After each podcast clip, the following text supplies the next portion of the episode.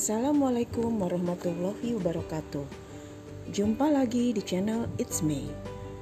Kali ini saya akan membahas tentang topik disonansi kognitif. Sobat It's Me, apa sih disonansi kognitif itu? Disonansi kognitif sudah sangat umum kita jumpai dalam kehidupan sehari-hari. Disonansi kognitif adalah perasaan tak nyaman yang disebabkan oleh sikap, pemikiran, dan perilaku yang bertentangan. Hal ini memotivasi seseorang mengurangi ketidaknyamanan tersebut. Nah, saya akan memberi satu contoh nih. Misalnya, Andi ingin menurunkan berat badan. Andi juga ingin memiliki tubuh lebih fresh dan bugar. Andi berusaha diet dengan mengurangi asupan karbohidrat dan gula. Tetapi Sobat It's Me, beberapa bulan kemudian ternyata berat badan Andi tidak juga kurang. Nah, peristiwa yang Andi alami ini adalah yang disebut disonansi kognitif. Perasaan yang tidak nyaman karena ekspektasi dan kenyataan yang tidak sejalan. Bagaimana ya caranya mengatasi disonansi kognitif? Menurut Festinger, seorang ahli psikologi sosial, ada tiga cara yang bisa dilakukan. Pertama, merubah ekspektasi. Misalnya dalam kasus Andi, maka Andi dapat merubah ekspektasi dengan berpikir, diet yang ia lakukan belum berhasil karena mungkin kurang tepat dalam menjalankan diet.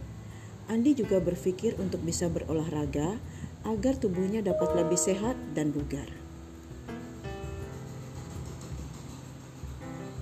Yang kedua adalah dengan rasionalisasi atau justifikasi realita. Yang kedua ini, ekspektasi tidak dirubah. Hanya cara informasi yang bertentangan dengan ekspektasi yang dirubah. Dalam hal ini, Andi mencari informasi tentang gaya hidup sehat yang tepat dan benar. Yang ketiga adalah menolak denial atau realita yaitu dengan merubah kognisi dengan perilakunya.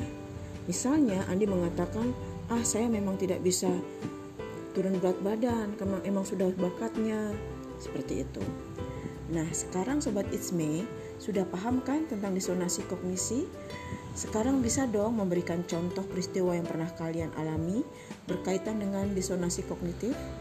Cara manakah yang kalian anggap paling efektif? Merubah ekspektasi, justifikasi realita atau rasionalisasi, atau menolak realita, denial. Pasti Sobat Isme memiliki pengalaman yang beragam. Nah, silakan Sobat Isme mencari contoh dan berusaha untuk melakukan disonansi dengan pilihan yang tepat. Demikianlah Sobat Isme tentang disonansi kognitif.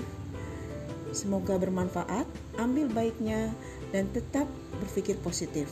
Salam sehat, sampai jumpa di episode berikutnya. Wassalamualaikum warahmatullahi wabarakatuh.